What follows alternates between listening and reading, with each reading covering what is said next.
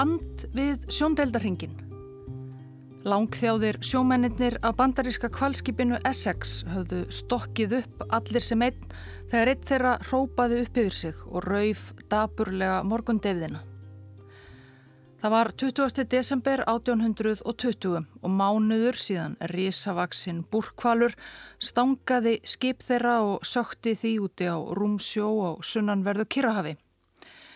Í mánuð höfðu þeir silt á þremur kvalbátum skipsins sem í raun voru ekkert annað en ræfilslegir árabátar lengra í söður í vonum að grípa vindáttir sem myndu fleita þeim til vesturstrandar Suður Ameríkum. Í mánuð höfðu þeir varla nokkuð borðað nema örlittla skamta af þurru skipskeksi. Þeir voru grindhoraðir, solbrunnir og skrælnaðir. En þarna var land. Þeir þurftu fyrst að fullvisa sig um að þetta væri ekki hreinlega hillingar. Þeir trúðu varla einn augum. Aldrei hafa nokkur augu litið fegur í sjón eins og einn skipvergin orðaðið að síðar meir. Þetta var þó ekki strandlengja Suður Ameríku. Þeir áttu enn langa vega lengt eftir þangað. Þetta virtist vera eiga. Lítil eiga einn þarna úti á rúm sjó. Fyrir ferðinni höfðu leðtóar sjómanana hafna því að reyna að sigla til einhverja af eigaklösum Kirrahafs eins og félagseiga, ein af hverjum er Tahiti af óta við að þar tækja og móti þeim ófriðsamir villimenn, jáfnvel solgnir í mennst hold. Þetta virtist, já, vera eiga. Þar gæti verið fólk. En á þessu stíi málsins voru mennirnir orðnir svo aðframkomnir eftir mánuð á bátunum að þeir voru jafnvel til í að hætta á að lenda í greipum villimanna og mannæta. Þeir urðu að komast í land og yfir á þessa eigu.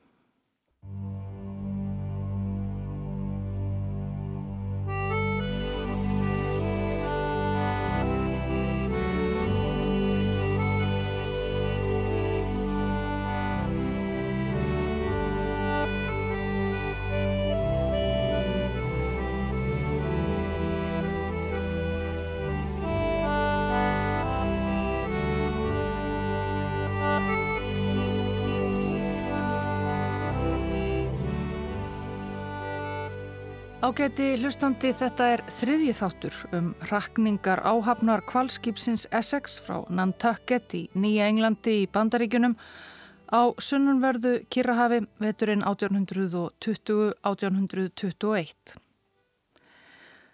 Skip þeirra sökk eftir árás búrkvalstarfs á afskektum kvalmiðum rétt sunnan við miðbög 20. november 1820. Allir mennum borðhöfðu bjargað sér í kvalbátana en þeir voru óra langt frá landi og engin önnur kvalskip eða önnur skip sjáanleg. Undanfarin mánuð höfðu sjómennindir af Essex silt meira en 2000 kílometra í söður.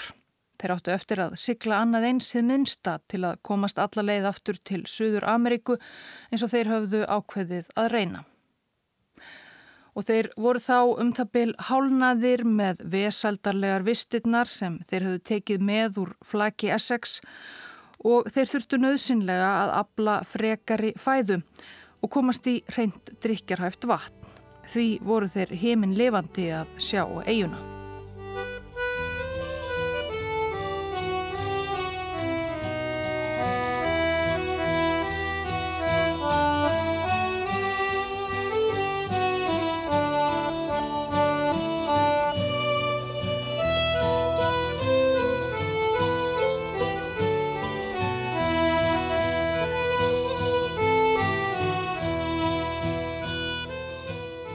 Það var nokkur spölur í landið.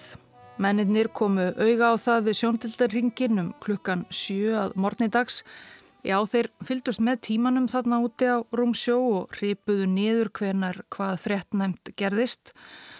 Og um 11 leitið voru þeir komnir í nokkur hundruð metra fjarlægð.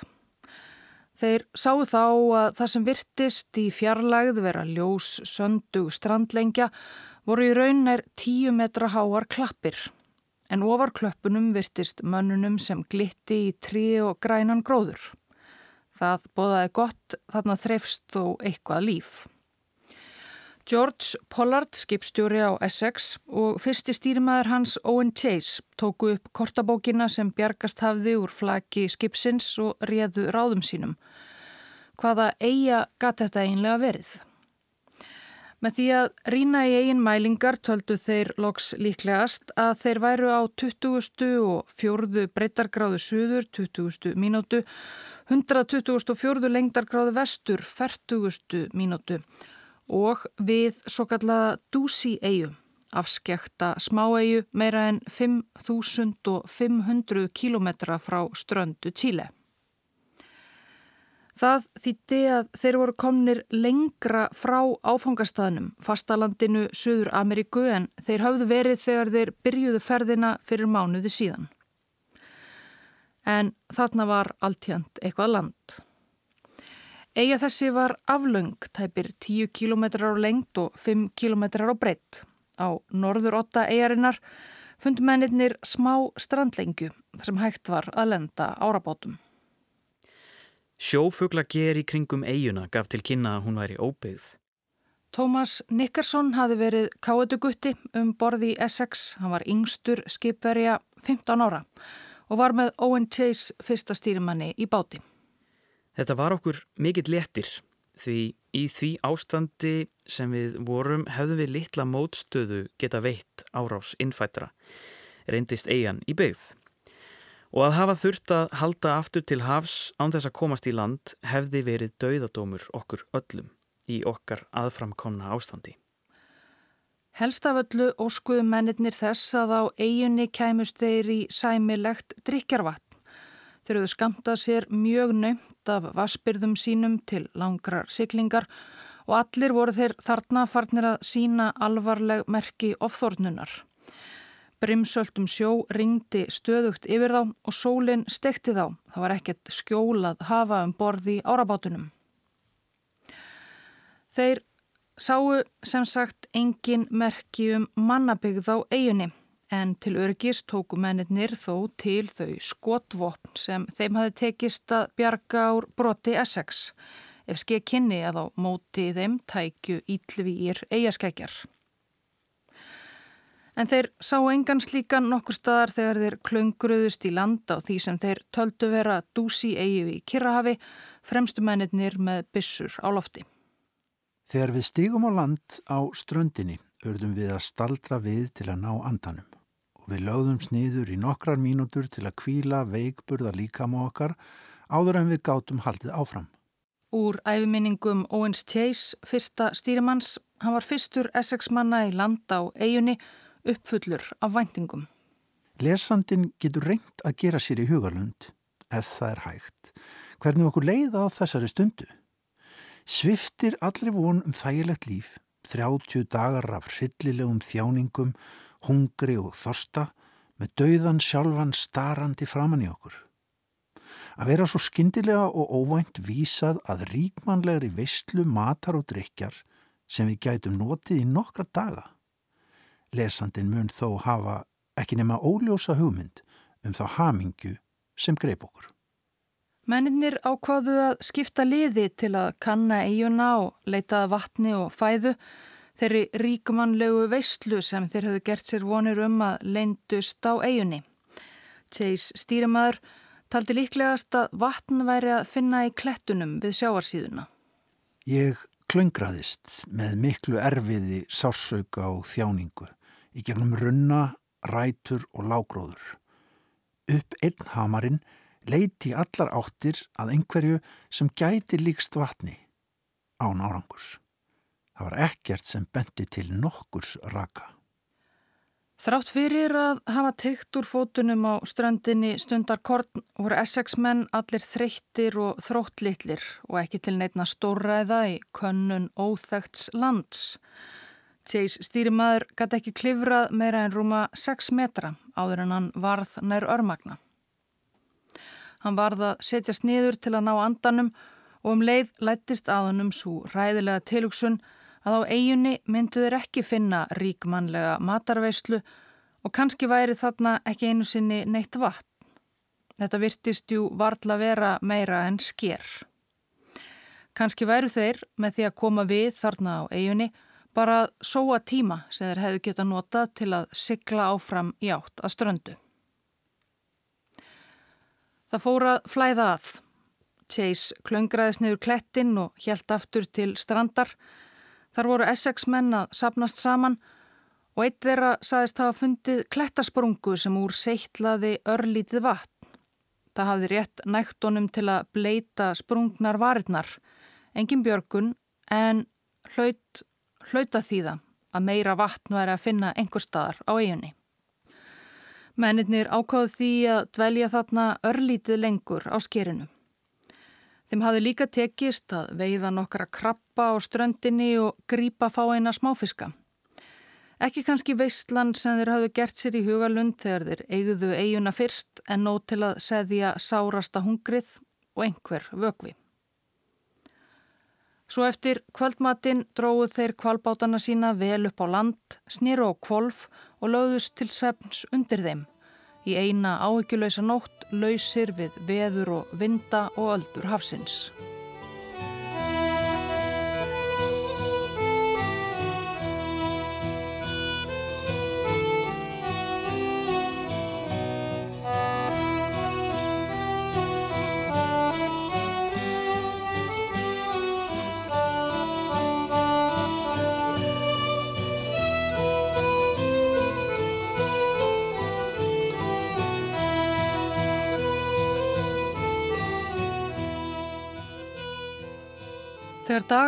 21. september var mönnunum ljóst að þeir yrðu að finna vatn og það hratt. Þeir höfðu kvílst eitthvað og borðað en grimmur þorstinn eins og Chase stýrimaður orðaði það var að gera út af við þá. Og var við að svifta okkur getunni til máls. Varir okkar voru skorpnar og bólnar og í munnum okkar sapnaðist einhvers konar límkent munnvatn ógeðfelt á bræðið og ólýsanlega óþægilegt. Líkamr okkar hafðu vestlast upp í nálega skinn og bein og voru svo þrótt litlir að við þurftum oft aðstóð hvers annars við veigaminstu aðgerðir. Hjálp, fundum við núna, varð að koma hið snarasta. Aftur dreifuðu aðframkomnir mennirnir sér um eiguna hættu sér þó ekki langt af óta við að örmagnast einhver staðar og komast ekki aftur til strandar. Þeir reyndu að tyggja lauf og gróður sem þeir fundu, það reyndist lítið gagn í því og eldast við sjófugla sem auðvitað flugu flestir strax á braut. Þegar kvöldatók snýru mennirnir niður dregnir aftur til strandar. Pollard skipstjóri hafi veitt fleiri krabba og var þar að grilla. Það var eitthvað en þeir ákváðu að verja ekki of löngum tíma á þessari skraufþurru næringalösu eigu.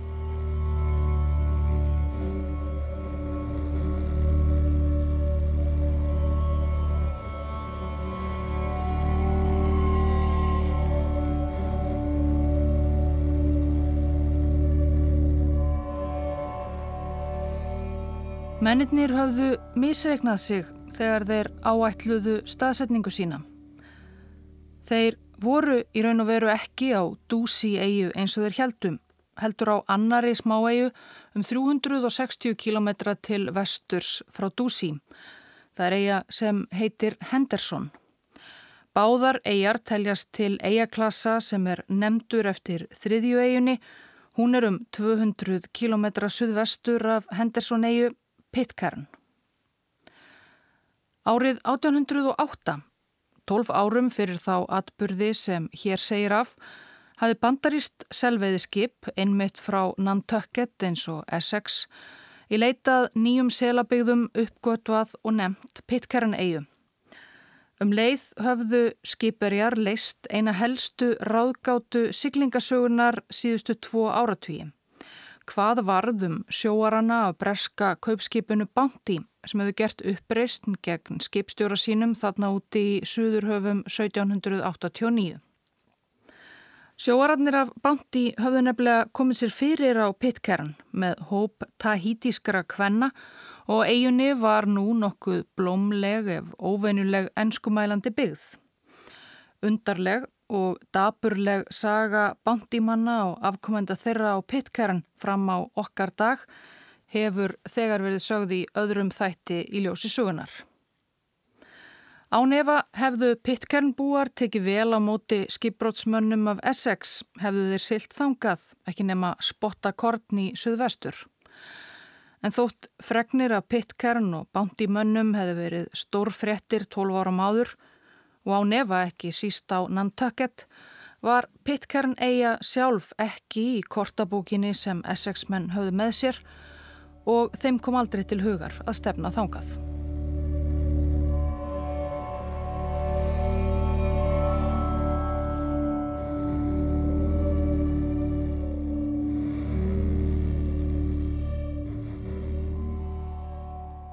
Tuttugasti og annar desember. Við vörðum gerðkvöldinu við ímsan starfa eftir laungunum og tilfinningum hvers annars. Sumir heldu áfram að ráfa eftir strandlengjunni og stuttar vegalengtir inn í land, en í leitað vatni og mat. Aðrir hengu á strandinni við sjáarmál og reyndu að handsama þann litla fisk sem kom til þeirra. Sumir sváfu, ónæmir á aðrar tilfinningar en kvíldar þörf á meðan aðrir vörðu nóttin í að ræða um stöðuna og botlaleggingar um líkindi þess að hafa það af. Mennindir höfðu verið á fótum í nokkrar klukkustundir þennan annan morgun þeirra á eiginni þegar handagangur varð við ströndina. Tveir menn snýru aftur úr leiðangri með ströndinni og söðust hafa fundið vassupsprettu. Upp úr stórri flatri steinklöpp rétt í sjáarmálinu bullaði vatn Það var ísalt en drikjarhæft. Mennirnir hlupu allir til, skiptust á að drekka og tappa vatni og brúsa og öll möguleg ílát. Það var léttar yfir þeim þegar þeir settust að því sem orðið var hefbundin kvöldverður, nokkri krabbar, nokkri fiskar, nokkri sjófuglar á strandinni. Þeir ákváðu að vera í nokkra daga enn á eiginni, drekka vatn og sapna kröftum. Það var ju enn óra löng sykling fyrir höndum til Suður Ameríku.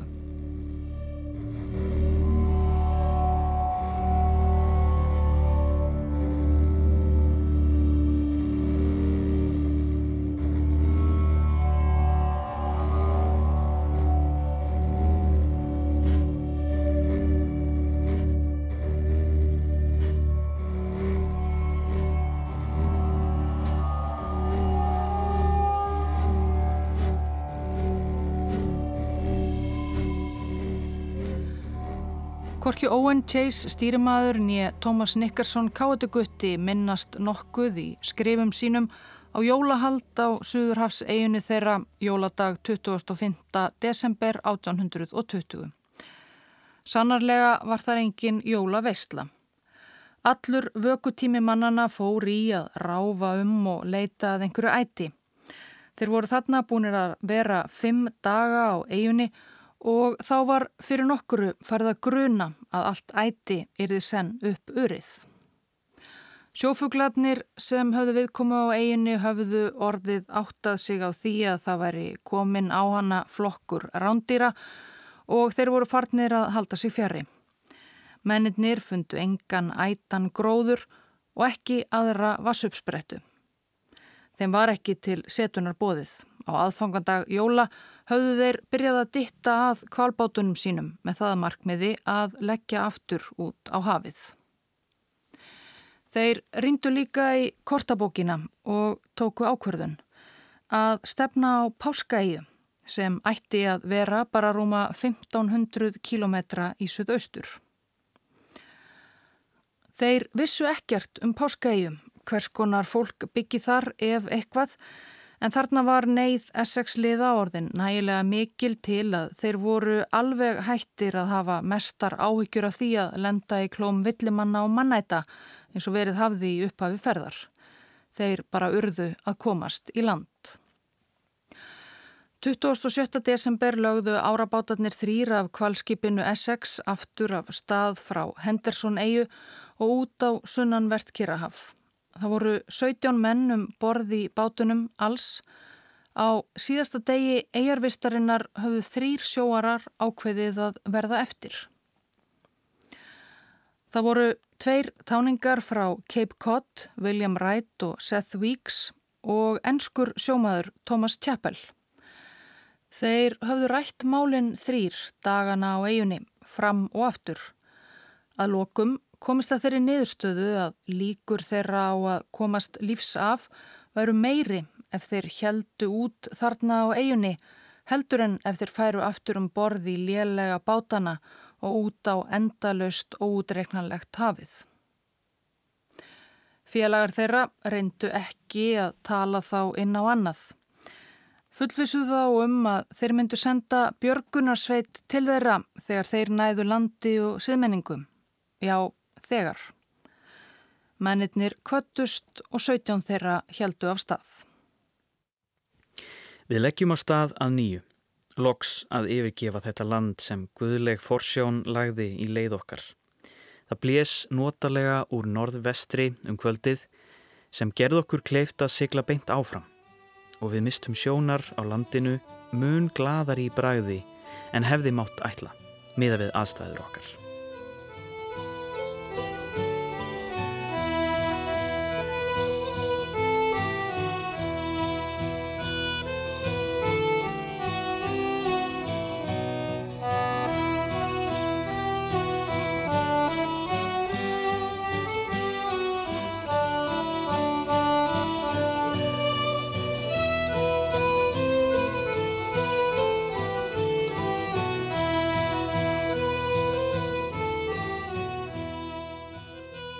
Fyrstu dagarnir aftur um borði kvalbátunum voru þólanlegir. Mennirnir höfðu haft með sér steina um borði bátana til að geta kveikt eld og eldað sér fuggla og fiska sem þeir höfðu veitt á eiginni góðu. En nokkrum dögum eftir brottför í janúarbyrjun, nýtt ár var gengið í gard á Kirrahafi 1821, þá var kjötið allt upp urið og þeir urðu að snúa sér aftur að þurru og oft söldu skipskeksinu. Og þeir urðu að skamta það nöymt, en nöymar en áður, því enginn þeirra vissi hver lengi þeir yrðu enn á siglingu. Eftir marga heita og stilta daga fór veðrið líka að versna, harður vindur og þung rigning dag eftir dag. 3. janúar Það væri gagslust að reyna að lýsa tilfinningum okkar á þessari stundu. Hverri vindkviðu fyldu flennibjört liftur, eldinga og hríkalegar þrumur sem virtust hrista hafdýpin og kastaði dimmum drunga yfir sjávarbreyðuna. Menninir voru með siglingatæki til að ákvarða staðsetningu bátana á breytargráðu en að komast að staðsetningu á lengdargráðu hafði ættíð verið floknara mál. Þeir reyndu þó með ýmsum frumstæðum leiðum. Það skipti sérstaklega miklu máli á þessum hlutaferðarinnar. Hinga til hafðu þeir bara stemt í suður en nú til þess að komast til Páskaegu lág fyrir að þeir þyrtu að sigla nær loðbeint í austur. En vindarnir sem börðu á bátunum þarna í janúarbyrjun komist þeir fljótað voru að feikja þeim lengra í suður svo ekki leið á löngu þar til þeir voru komnir suður fyrir páskaíu. Aftur þurftu Essex menn nú að breyta áformum sínum. Þeir ákváðu að stefna á enneitin eigaklassan sem þeir fundu í kortabókinni. Juan Fernández eigar lágu ekki nema um 640 km undan ströndu Tíle og voru tíður viðkomistaður bandarískra kval og selskipa. En þangað var miklu lengra en til Páskaegu, um fjögur þúsund kílometrar, raunar lengri vega lengd en þeir höfðu nú þegar silt á þessum 44 dögum sem liðnir voru frá því að skipi þeirra sökk. Til að komast allarleið til Juan Fernández erðu þeir virkilega að skamta sér skipskeksið. En það var ekki annað að gera en að reyna. Dagarnir í framhaldinu urðu tilbreytingar minni og mennirnir sömulegðis veikari. Að morgni 10. janúar fór Matthew Joy, annar stýrimaður Essex og til þessa yfir einum af kvalbátunum þremur fram á að færa sig yfir í bát Pollards skipstjóra. Matthew Joy hafi verið slappur lengi og var nú orðin svo þreklaus að hann gæti ekki lengur sint skildum sínum á bátnum og vildi bara fá að leggjast fyrir. Félagur hans urðu við því sem reyndist verða stýrimannsins hinsta ósk. Síðar þannan sama dag lést annar stýrimaður Matthew Joy 27 ára gamall. 11. janúar, 6. morgni, saumuðum við hann inn í föttin sín. Bundum stóran stein við fætunar á honum og eftir að hafa stemt öllum bátunum saman fólum við hann hátíðlega hafinu. Þennan morgun greftruðum við líkamsleifar látins félag okkar í djúbláu hafinu, eins sómasamlega og ömurlegar aðstæður okkar gerð okkur kleift. Eftir að hafa kvíslað, hljóða bæn fyrir framtíðinni, heldum við áfram varasamri ferð okkar. 12. janúar voru 53 dagar síðan Essex sökk og mennirnir sildu af stað á kvalbátunum þremur. Þegar kvöldatók skalla á enneitt ílviðrið. Mennirnir tóku niður seglinn og grúfðu sig niður í bátunum sem köstuðust til í öldurótinu. Það lægði þegar Birta tók af næsta degi en það ringdi enn og skiknið var slæmt. Chase stýrmaður, Nickerson káetugutti og hinnir mennirnir þrýr í þeirra báti litu upp og skimuðu yfir sjóndeldarhingin eftir félögum sínum á hinnum bátunum tveimur en þeir sáu þá hverki. Bátarnir þrýr höfðu áður á ferðalæinu, orðið viðskila hver við annan í einhverjar smá stundir í senn, en í þetta sinn leið á daginn. Það stitti upp og hverki sáu Chase og félagar hína bátana tvo. Þeir voru aleinir á hafinu. Þegar dagaði að morgni litum við árangurslust yfir hafið að félagum okkar. Þeir voru hornir og við sáum þá aldrei meir. Það var fásina að reyna að agnúast við þessum aðstæðum. Við gátum ekki ráðið bót á þeim, negat eftir sjá fært okkur þá aftur. En það var ómögulegt að finna ekki fyrir sásuganum og biturðinni sem einkennir aðskilnað manna sem hafa svo lengi þjáðst saman og örlögin hafa bundið svo nánum böndum.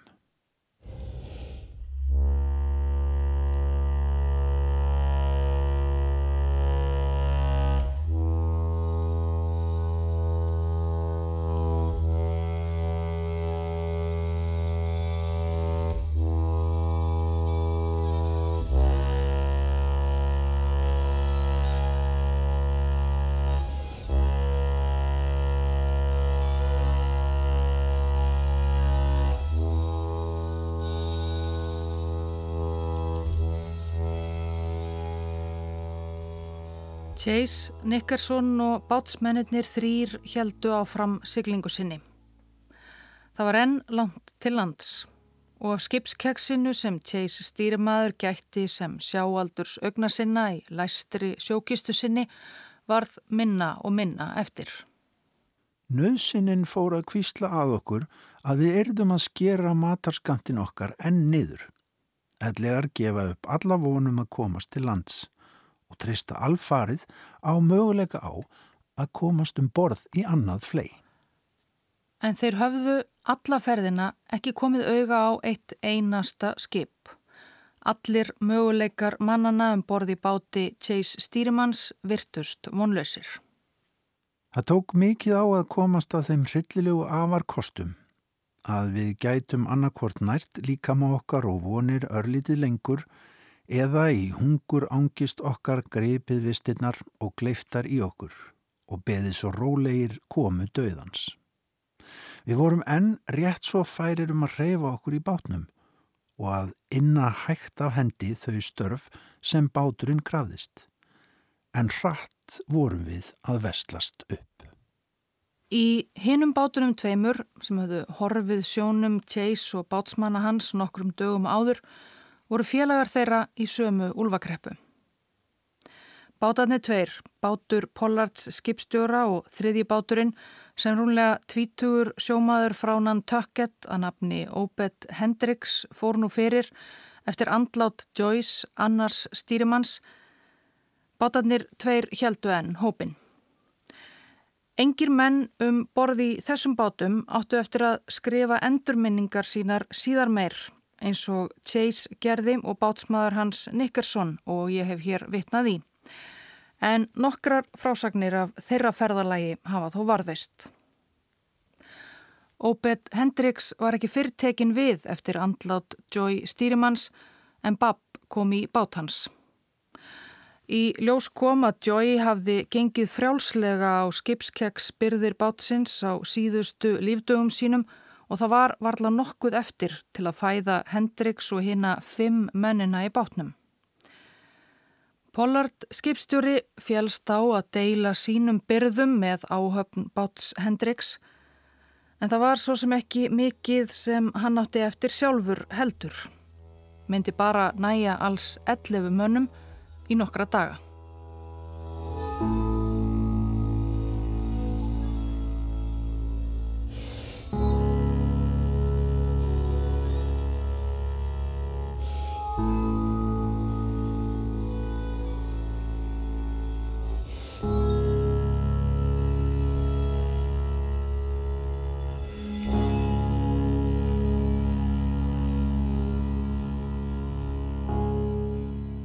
16. janúar. Hægur vindur og stilt veður. Við syldum hjá stóri nýsutorfu og reyndum að veiða eina með skullinum, en höfðum ekki nægilegan kraft til að stingi gegnum þykka húð þeirra.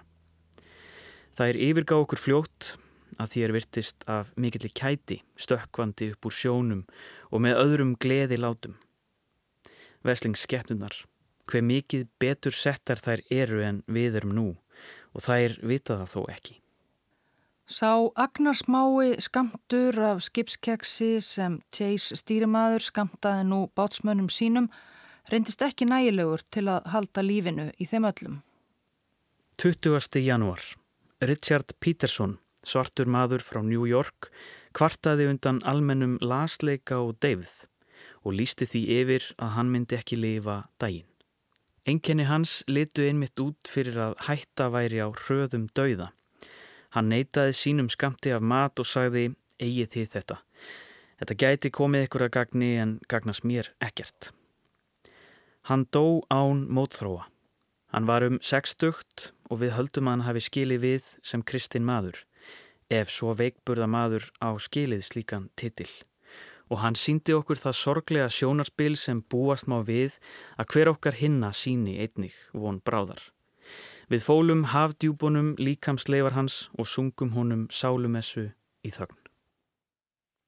Tveir úr áhöfn Essex lágu nú á hafsbotni, Matthew Joy, annar stýrimaður og gamli sjómaðurinn frá New York, Richard Peterson. Bátar Pollard skipstjóra og Obeds Hendricks voru að líkindum þarna stattir eitthvað norðar en bátur Chase, ekki langt undan en úr auksinn og þann sama dag sem Richard Peterson lést í báti Chase 20. januar gerði dauðin líka vart við sig í báti Hendricks. Lawson Thomas, svartur sjómaður sem ráðið hafði sig um borði í Essex í Boston, tók þá sína síðustu andardrætti. Mennirnir 11 á bátum Pollards og Hendricks áttu þarna varla hálft kíló af skipskeksi eftir. Þeir höfðu verið í tvo mánuði á syklingu og þeir voru hverginnar í landi. Í upphafi þessara ferðar hafði það sem fyrr segir verið helsti ótti Essex manna að lenda í klóm mannæta á framandi Suðurhafsegjum.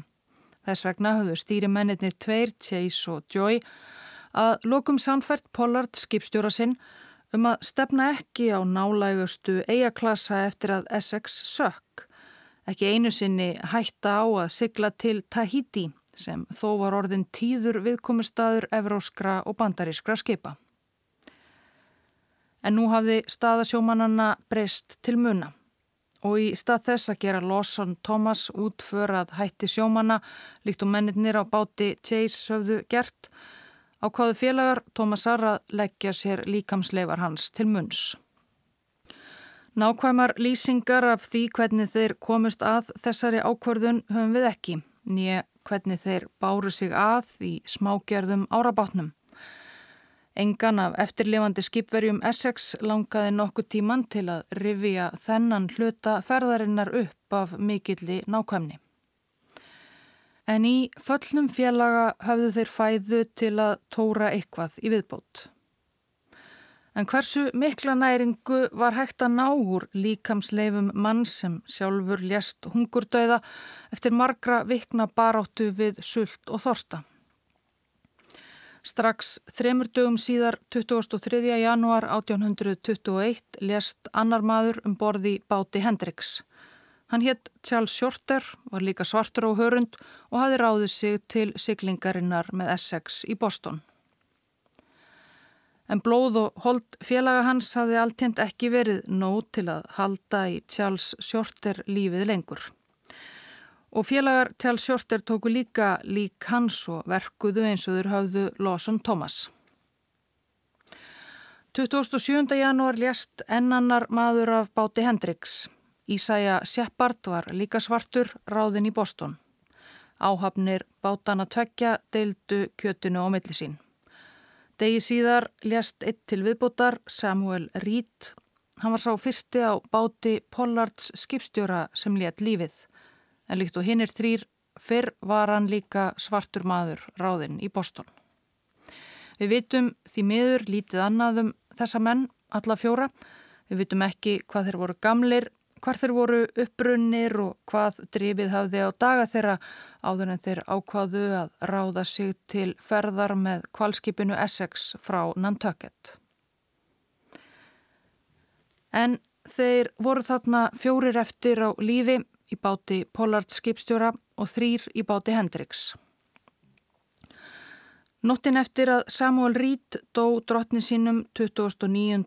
januar var sérstaklega myrk skigni lítið og einhverju sinni þegar fjórmenningarnir í báti Pollards skimuð út í myrkrið áttuður sig á því að þeir sáu ekki hinn bátinn, bát Hendriks. Þeir voru of þreg litlir til að kveikja ljós eða kalla eftir félögum sínum. Sættu sig fljótlega við það að líklega sæju þeir hinn að þrjá mennina aldrei aftur. Þeir varu ornir einir á hafinu. Þeir voru enn meira en 2000 kilometra frá ströndu Suður Ameríku, fjórir menn á hrörlegum árabáti, varla með nokkrar vistir nema hálfétið lík fallins félaga. Það myndi tæplega duga þeim lengi. Og hver þeirra, hugsuðu mennir fjórir kannski þarna, myndi þá þurfa að forna sér.